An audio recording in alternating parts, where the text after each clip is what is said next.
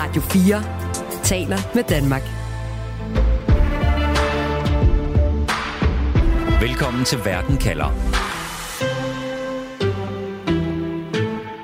Intet mindre end 700.000 ukrainske børn er det seneste år kommet fra konfliktzoner i Ukraine til Rusland. Det hævder Rusland i hvert fald selv. Børnene har angiveligt fundet tilflugt i Rusland på flugt fra bomberne og beskydningen i konfliktzonerne i Ukraine. Det meddeler et russisk parlamentsmedlem på beskedstjenesten Telegram.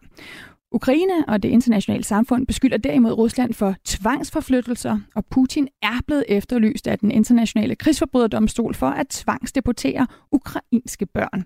Og de ukrainske børn, der vender tilbage fra Rusland, de taler heller ikke så rosenrødt om deres egne oplevelser. Derfor spørger jeg i dag, hvad skal Putin med 700.000 ukrainske børn? Jeg hedder Stine Krohmann Dragsted. Velkommen til Verden kalder, programmet, hvor jeg stiller skarp på et aktuelt spørgsmål om verden, og på en halv time giver dig svar. Du lytter til Radio 4. Det var det russiske parlamentsmedlem Karasin, som i aftes hævdede, at 700.000 ukrainske børn de seneste år har, som han skriver, søgt tilflugt i Rusland. Valentina Shapovalova, velkommen til Verden kalder. Tak. Du er phd studerende på Institut for Kommunikation på Københavns Universitet og forsker i russisk propaganda og misinformation. Hvad, hvad tænker du om det her tal, Valentina? Har Rusland flyttet 700.000 børn fra Ukraine til Rusland? Højst sandsynligvis ikke. Det virker i hvert fald meget, meget usandsynligt. Men uh, tallet bliver blæst op, fordi den her fortælling er, bliver brugt ret meget i russisk propaganda. Så der er ligesom en grund til at, uh, at puste tallet så meget op fra den russiske side. Hvad, hvad for nogle andre tal har vi? Altså, hvad siger vestlige parter, der kigger på, øh, hvor mange ukrainske børn det handler om?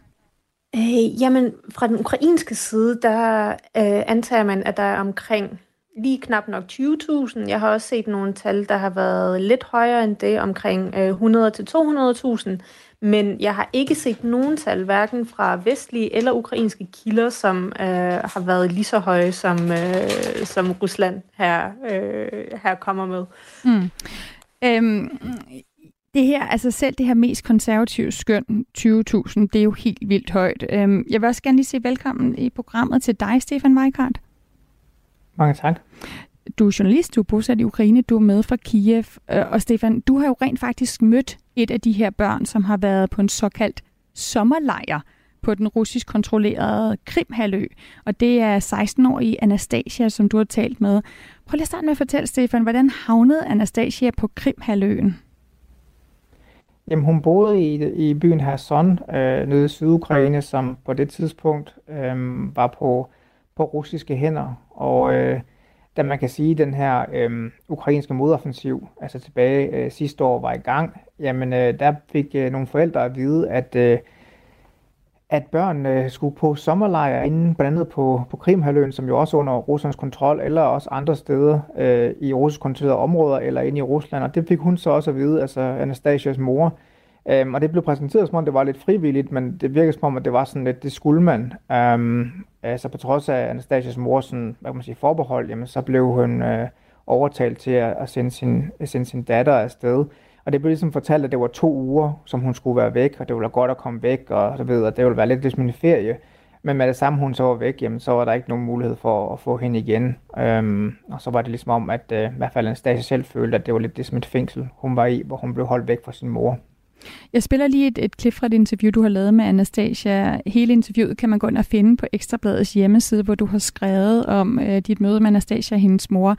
Vi får lige en bid her. На уроке, кстати, вспомнила, на уроке э, дети крымские. Из-за того, что мы украинцы, из-за того, что мы, допустим, там учились. Anastasia fortæller her, at børnene fra Krim, som vi var i skole med, kunne finde på at sige sådan noget som at øh, rejse op og sige føj til os, fordi vi var ukrainer. Altså hun fortæller om, hvordan de andre børn godt kunne finde på at håne de ukrainske børn, tale nedsættende om Ukraine, og også om, hvordan det var forbudt for børnene at tale ukrainsk. Stefan, Anastasia her, som du altså mødte, da hun var kommet tilbage og var i Kiev, Øh, hvad fortalte hun dig om, om sit ophold i den her såkaldte sommerlejr på Krimhaløen? Jamen hun følte, at, øh, at de ligesom øh, skulle ligesom blive en del af den russiske fortælling af, hvordan tingene hang sammen. Altså undervisningen var øh, selvfølgelig kun på, på russisk, at de måtte ikke snakke ukrainsk og blev straffet, øh, hvis de gjorde det. Men også, at de ligesom fik en fortælling om, at Ukraine ligesom ikke var en rigtig stat, altså det var ikke et rigtigt land, at øh, det var noget, som Lenin, altså øh, den første sovjetiske leder, ligesom havde, havde grundlagt, og derfor så eksisterede Ukraine som sådan ikke, øh, at, øh, at man siger, at, deres, øh, at de her soldater, der kæmper på Ukraines side i den ukrainske her, de ligesom er nazister, Øhm, og, og det her med, at øh, Rusland er stærke, og den russiske fortælling som generelt om, hvordan krigen hænger sammen, som, som, som, er, er, som, er, er, som er sandheden. Um, og hvis man ikke ligesom, øh, hvis man sætter spørgsmålstegn med det, som Anastasia selv gjorde et par gange, men også andre øh, af børnene gjorde, jamen så kunne de blive straffet eller, eller hånet af, de, af lærerne og de andre elever, som så altså russiske elever. Hmm. Jeg ved, at hun fortæller dig, at de, at de heller ikke måtte forlade den grund, øh, de var på, altså uden at der var en lærer med, og det trodser hun på et tidspunkt. Hvad sker der så? Ja, men det bliver hun så straffet for. Altså, hun får blandt andet på et tidspunkt et, øh, en losing, så hun siger, hun nærmest ikke kan høre noget på det ene øre. Og altså, øh, altså hun bliver straffet, og det, det, det gør hun selv ved den der eksempel, fordi hun trodser de her regler, som er blevet sat op. Og det er også derfor, hun siger, at det føles som et fængsel, fordi hun ikke må forlade stedet. Øh, men hun fortæller også om, om andre øh, om andre eksempler på øh, børn, som også øh, under øh, den russiske nationalsang for eksempel ikke, øh, ikke, ikke rejser sig op og også bliver straffet for det. Så der er sådan flere eksempler på, at, øh, at det er ret hårdt, at hvis de ikke gør, som der bliver sagt, jamen, så bliver de straffet. Og i det her tilfælde med Anastasia, der blev hun også øh, kan man sige, troet med, at, at hun slet ikke kan få lov til at, at, at se sin mor, som så stadigvæk er på det ukrainsk kontrollerede område på det her tidspunkt, og hun eventuelt kan blive bortadopteret ind i Rusland, hvis der er sådan, hun laver flere problemer. Mm. Valentina, jeg vil meget gerne øh, dykke mere ned i, hvordan det er, den her fortælling bliver brugt. Altså hvorfor det er, at de her børn på en eller anden måde skal indoktrineres til at have en anden opfattelse af, hvad Ukraine er, hvem de er. Øh, men, men lad mig lige først spørge dig, er det her, vi hører med Anastasia, er det et klassisk eksempel på, øh, hvad de ukrainske børn bliver udsat for, når de kommer til Rusland og, og de her russisk kontrollerede områder? Det er i hvert fald en historie, som jeg har læst og hørt flere gange før øh, fra ukrainske børn, som så kom tilbage til Ukraine af den ene eller den anden vej. Altså de her historier om øh, igen direkte øh, propaganda, sådan meget aktiv indoktrinering, øh, mobning af dem, som øh, øh, insisterede på, at de stadigvæk støttede Ukraine, øh, eller på en eller anden vis i hvert fald øh, fremviste sin ukrainske identitet, enten ved at sige Slava Ukraini. Øh, jeg kan huske, der var sådan, eller jeg læste på det ukrainske telegram, øh, en historie om en øh, dreng, som stod op og sagde Slava Ukraini, og så blev han øh, slået af, øh, af sine russiske klassekammerater. Øhm, så ja, eller tale ukrainsk, altså øh, øh, dele nogle minder fra Ukraine. Øh, alt det her kunne, kan godt lede til, til mobning. De her historier har vi hørt før, så den, øh, den med Anastasia er ikke så, ikke så anderledes desværre. Mm. Rusland siger jo selv, at det her er en del af et program, som skal beskytte forældreløse og forladte børn i det, de kalder konfliktzonen. Valentina, hvad ved vi om, hvilke børn det er, som Rusland flytter fra Ukraine til, til Rusland eller til russisk kontrollerede områder? Jamen, vi ved jo, at det primært er børn fra netop øh, russisk kontrollerede områder, som øh, bliver flyttet til øh, Krim eller ind i Rusland. Øh, om det så er til øh, forskellige, altså som jeg har snakket om, sommerlejre, eller øhm, øh, til russiske sådan, centre, øh, hvorfra de så senere bliver bortadopteret til, til russiske familier. Så det er sådan det, vi, øh, vi ved indtil videre. Mm. Stefan, Anastasia, den 16-årige pige, som du har mødt og talt med, hun endte jo med at blive genforenet med sin mor med hjælp fra den ukrainske organisation Safe Ukraine. Hvordan gjorde de det? Øh, jamen, øh, hendes, hendes mor havde ligesom forsøgt at, og altså, havde holdt kontakt med Anastasia, fordi de havde en telefon, så ligesom kunne være, være i kontakt, og så havde øh, Øh, Anastasias mor så ligesom vidste, hvor hun var henne, datteren. Øhm, og så har hun så kommet i kontakt med den her organisation Safe Ukraine, som så har ligesom har stået for øh, alt papirarbejdet, øh, sørget for, at øh, hun sammen med en gruppe andre øh, forældre, som i lignende situation, har kunne tage en, en lang vej øh, ind, i, ind på Krimhaløen for at hente, øh, hente sin datter. Det er jo ikke noget, de sådan bare kan, altså det tager, jeg tror det tager to en uge hver vej, ikke? så de, de tog hvis rejsen ind igennem Hviderusland, og så ind i, i Rusland, og så, øhm, og så ind, altså hele vejen omkring frontlinjen, kan man sige, ned over broen, der går ind til Krimhaløen, og så ind og fik deres, øh, deres børn tilbage. Øhm, og, men, men selv, øhm, selvom det lykkes i de her tilfælde, så er det meget, meget svær rejse. Altså det er en meget lang rejse. Der er mange checkpoints, kontrolposter, øhm, og det er svært at komme igennem. Og også når de skal ud af landet, så er det ikke altid, at øh, de russiske myndigheder vil lade de her børn og deres forældre forlade landet. Øh, så det kan godt være, at de skal prøve at krydse flere grænseovergange, før det lykkes at komme ud af Rusland igen bagefter. Valentina, du siger, at der er to overordnede grunde til, at Rusland har en interesse i at flytte, deportere, øh, kidnappe, hvilke ord vi ellers skal bruge, de her ukrainske børn. Øhm, den ene er propaganda, og det andet er simpelthen, at man på en eller anden måde kan forandre demografien i Ukraine. Altså man kan skabe et mere venligsindet befolkning ved at hjernevaske ukrainske børn. Lad os starte med at kigge på propagandadelen. Du lytter til Verden kalder på Radio 4.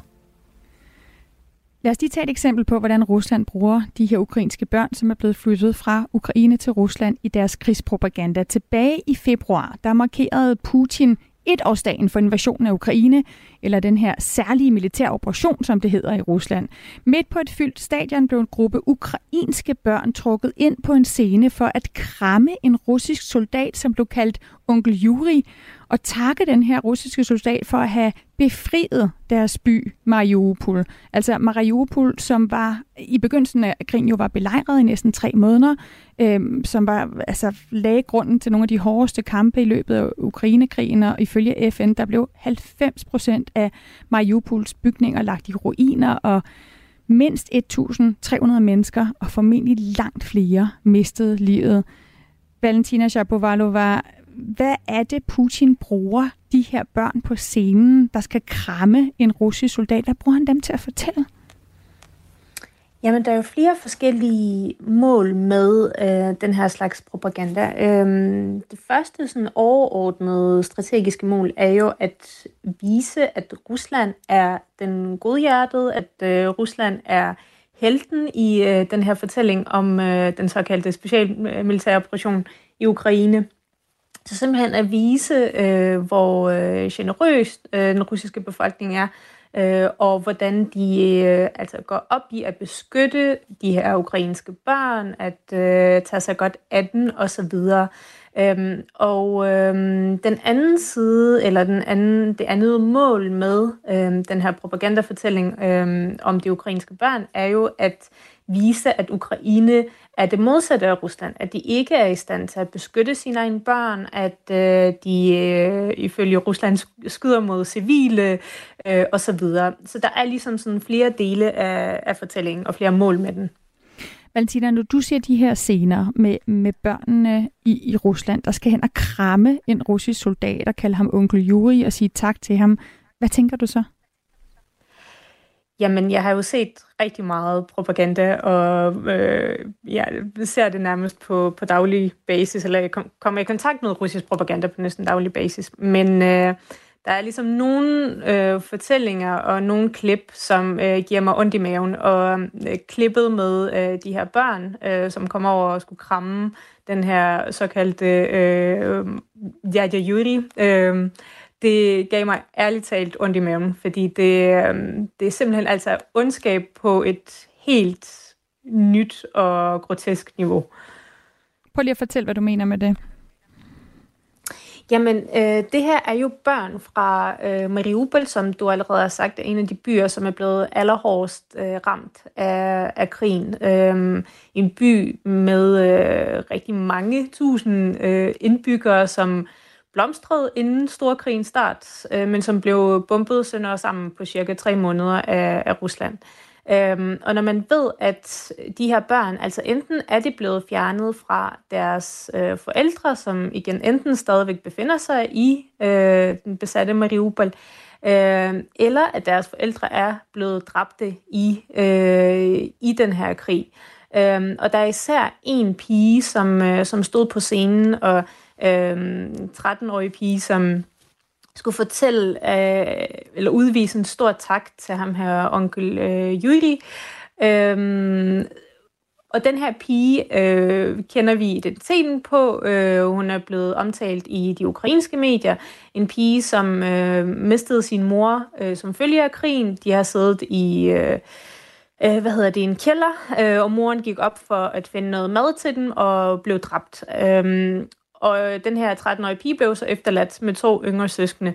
Øh, og når man kender den her historie, og, og ved, hvor, altså kender til baggrunden, og så skulle se hende sådan blive tvunget til, eller hjernevasket til, at skulle stå og udvise tak til dem, der potentielt har slået hendes mor ihjel, det, øh, det er simpelthen, ja, det er mm. ikke til at klare. Stefan, lad mig også lige vende tilbage til 16-årige Anastasia, øh, som du altså har mødt i Kiev, som har været på de her så, såkaldte sommerlejre, altså russiske sommerlejre. Prøv lige at tage os med ind i det russiske klasseværelse, hvor Anastasia sidder. Hvad, hvad er det, hun får at vide om, hvem der er skurkene og hvem der er heltene i krigen i Ukraine? Jamen, det er ganske generelt, at, øh, at det er Ukraine, der er skurkene. At, øhm, at de ukrainere, som kæmper imod øh, russerne, altså som man vil sige måske ukrainske øh, optik er altså folk, der forsvarer deres land, øh, bliver set i det her øh, russiske klasseværelse som værende nazister. Um, øh, det her med den ukrainske historie, altså landets historie, øh, som strækker sig mange, mange år tilbage, jamen det bliver ligesom øh, fortalt, at det, det findes ikke. Altså at det her, at Ukraine er ligesom en form for kunstig stat, som øh, Sovjetunionen har, har skabt, øh, og derfor så har den ikke rigtig noget grundlag. Altså det sådan set er Rusland, man kan sige russisk territorium. Øh, også noget omkring nogle af de helte, som, som er i, i ukrainsk optik. Altså Stepan Bandera, som er en held i, i hvert fald i vestlige Ukraine, øh, bliver fremstillet her som værende nazist og, og en, en stor skurk øh, i det her klasselokale. Så det er sådan en, øhm, det er en fortælling af, at, at Rusland er de gode, og, og Ukraine er de onde. Øhm, og det er ligesom meget sort-hvidt. Mm. Og, øh, og det de primært bliver undervist i, altså det som Anastasia også fortæller, det er, at de får historieundervisning, altså den russiske historieundervisning af, hvordan tingene hænger sammen. Øh, og så noget sprogundervisning, det er sådan set grundlæggende det. Altså der er ikke så meget fokus på andre fag øh, i den her kan man sige, skole, det er mest bare øh, på historien, altså den russiske fortælling, og så øh, sprogundervisning. Valentina, hvor, hvor meget minder den her fremgangsmåde med de ukrainske børn om den måde, Putin og det russiske regime påvirker holdningerne hos deres egne børn, hos russiske børn i russiske skoler i øjeblikket? Det minder rigtig meget. Altså den her, det her fokus på øh, historien, den øh, patriotiske undervisning. I hvert fald hvis vi kigger på undervisningsmateriale, som øh, bliver udleveret til skoler rundt omkring i landet. Spørgsmålet er, hvor meget øh, de forskellige lærere følger den her, øh, de her undervisningsplaner. Øh, men der eksisterer i hvert fald nogle undervisningsplaner, hvor, øh, som bliver redigeret af Kreml, øh, og øh, som fremhæver igen den her patriotiske undervisning og vigtigheden af at øh, promovere kærlighed til fædrelandet osv. Så, så det minder ret meget om, om den indoktrinering, som de russiske børn gennemgår. Radio 4 taler med Danmark. Når Rusland siger, at 700.000 ukrainske børn har søgt tilflugt i Rusland, så handler det også i høj grad om, øh, det handler om propaganda, om at fremstille sig selv som frelser og befriere, men det er også et helt konkret våben i en krig, hvor identitet er et nøglebegreb. Valentina Shapovalova, du har tidligere nævnt, at, at Rusland har to formål med det her, altså dels propaganda og dels at, øh, Øh, simpelthen kunne påvirke de folk, der bor i Ukraine til at være mere pro-russiske. Prøv lige at uddybe, hvad du mener med den sidste del her. Jamen, den sidste del er jo mere langsigtet, fordi øh, formålet med at bruge de her børn i øh, propagandafortællingerne til altså det interne russiske publikum, er jo ret kortsigtet, fordi det er jo her og nu, det sker, at man forsøger at, øh, at tilpasse det øh, den generelle propaganda, propagandafortælling. Mens øh, målet med, med indoktrinering øh, af de ukrainske børn øh, er meget mere langsigtet, fordi man går efter at, øh, at påvirke de her børn til at blive russiske patrioter, til at øh, tro de fortællinger, som øh, jeg har snakket om før, om at Ukraine ikke er en rigtig stat, øh, at der er ingen, der venter på den, og at Rusland er ligesom deres, deres nye hjem. Så tanken er, er ligesom mere langsigtet, at påvirke de her børn, øh, som med henblik på at returnere dem tilbage til Ukraine og ligesom mm, ja, påvirke den generelle opfattelse af både Ukraine og Rusland i øh, på ukrainsk land. Så simpelthen at sørge for, at der kunne på, på sigt være flere øh, unge ukrainere, altså ved at påvirke børnene, øh, børn og unge i Ukraine, som har pro-russiske synspunkter. Netop. Mm. Stefan, øh, er det noget, der fylder blandt øh, de ukrainere, du taler med? Altså frygter de øh, dels, at deres børn jo simpelthen kan blive kidnappet og stjålet øh, af russere, men, men også at, øh, den her form for, for hjernevaskning øh, som, som et våben i krigen? Ja, det kan man sige. Altså, der er i hvert fald, øh, altså det her, den her sag her, eller de her mange sager med, med de her børn, som er blevet taget ind i Rusland, altså det er noget, der fylder rigtig meget, både i mediebilledet hernede, men også, øh, også blandt øh, ja, både de civile ukrainer, men også øh, de soldater, jeg har snakket med ude i fronten, fordi det, det er noget, der handler om deres, altså om nationens børn, øh, og noget, de tager meget, meget alvorligt.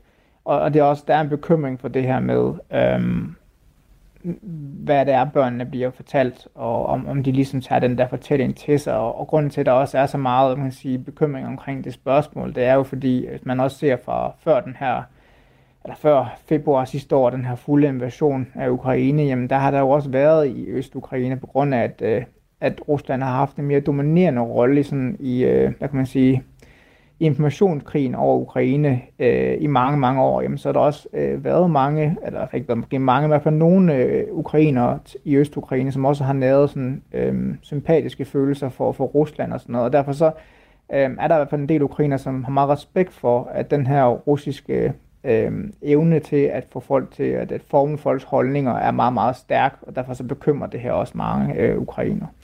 16-årige Anastasia, som du har mødt, hun blev genforenet med sin ukrainske mor. Ved vi noget, Stefan, om hvor mange ukrainske børn, der er kommet tilbage til Ukraine efter at have været flyttet til Rusland?